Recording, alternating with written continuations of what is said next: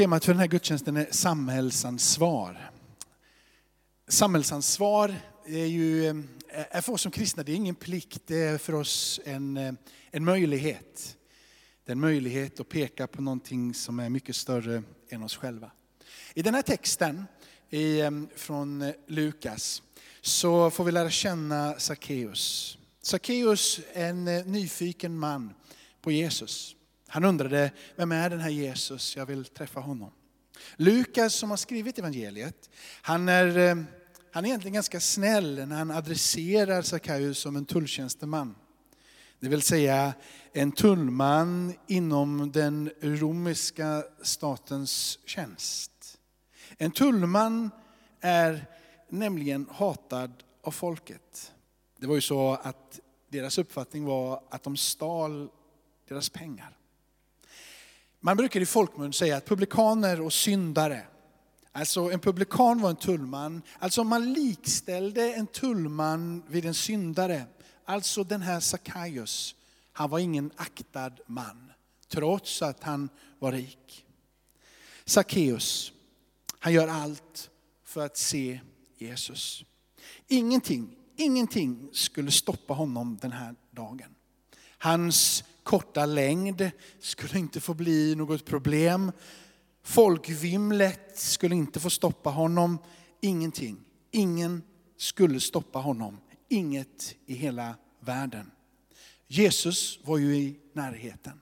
Han var nyfiken på denna omtalade man Jesus. Inget skulle få stoppa. Sackeus visste att för honom som var tullman var det omöjligt att få ett besök av Jesus i sitt hem. En from jude skulle aldrig någonsin umgås med en syndare. Trots att inte Sackeus kunde förvänta sig ett möte med Jesus så ville han absolut inte missa tillfället att få se honom. Men det som händer i den här berättelsen, det chockar alla. Det är inte bara Sackeus som ser Jesus, utan det är Jesus som ser Sackeus. Jag tror, jag tror ingen hade tittat på Sackeus på det här sättet som Jesus gjorde den här dagen. När Jesus ögon möter Sackeus så såg Sackeus i Jesu ögon barmhärtighet. Jag tror att han såg omsorg, han såg innerlig kärlek. Sackeus, jag tror han hade törstat efter att bli älskad. Jag tror att Sackeus tappade hakan när Jesus efter att deras ögon har mött började tala med honom. Det stora i den här berättelsen, det är att Jesus inte bara ser honom, inte bara talar med honom, utan säger, jag vill gästa ditt hem. Det som Sackeus hade sett i Jesu ögon blir nu en verklighet. Han får uppleva Jesu kärlek i handling. Jesus vill gästa mitt hem en omöjlighet blir möjlig. Hur mycket än Sackeus drömt om att Jesus skulle gästa hans hem, så visste han det är omöjligt. Jag är Sackeus, jag är föraktad, jag är utstött, jag är oönskad, jag är en syndare som ingen vill ha att göra med. Men du förstår, Jesus, han är inte som alla andra. Han föraktar ingen. Han kom till jorden för just detta. Att uppsöka och frälsa det som var förlorat. Mötet med Jesus är så annorlunda alla andra möten som Sackeus haft. Mötet påverkade honom så djupt när han möter Jesu kärlek, att han direkt blir en annorlunda Sackeus.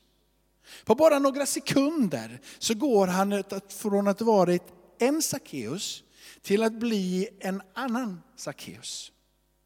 Sackeus har fått ta emot Guds kärlek. Han har blivit sedd, han har blivit respekterad. Han som innan hade levt bara för sig själv säger nu direkt, jag vill hjälpa andra. Han är villig att inte bara ge tillbaka det han har stulit, utan ge mer än vad han behöver. Han säger efter bara några ögonblick med Jesus, jag ger hälften av allt jag äger till de fattiga. En vän till mig blev för ganska många år sedan nu. Han eh, hade då aldrig varit i kyrkan och han visste ingenting om kyrkan och ingenting om tro. Men han hade fått en bok utav en vän och den här boken handlade om en person som hade levt som kriminell men sen mött Jesus. När min vän läser denna bok så händer någonting i hans hjärta. Han börjar längta efter att få möta med Jesus. Han beger sig till den närmsta kyrkan och där den kvällen så böjer han sina knän, han blir frälst. De är flera som ber tillsammans med honom. Han blir annorlunda. Det är någonting som händer där och då med honom. Tre dagar senare så står han och tvättar sin bil när en blind, halvt blåslagen man kommer fram till honom och frågar om hjälp. Min vän börjar tänka, hur ska jag nu göra som kristen? Han bestämmer sig för att som kristen så måste jag hjälpa. Jag vill bjuda honom till mitt hem. Jag ska låta han duscha. Jag ska ge honom någonting att äta och han ska få sova. Min vän blev genom mötet med Jesus en ny kanal för Jesu kärlek och omsorg. Inte som ett tvång eller ett krav, utan som ett uttryck för kärlek. I Romarbrevet så står det, stå inte i skuld till någon utom i kärlek till varandra. Ty den som älskar sin näste har uppfyllt lagen. Både Sackaios och min vän försökte inte bli bättre människor. Det var något inom dem som hände när de mötte med Jesus. De blev annorlunda. De ville hjälpa och de ville ge vad de kunde. Jesus vill möta med dig. Frågan är om du vill möta med Jesus.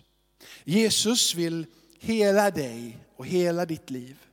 Han vill ha dina tjänster, men han vill också ha dina brister. Gud vill ha dina frågor och Gud vill ha dina svar. Gud vill ha din förmåga, men han vill också ha din oförmåga. Gud vill ha dina motiv, dina bortförklaringar. Gud vill ha dina styrkor och dina tillkortakommanden. Gud vill ha dina tvivel och han vill ha din tro.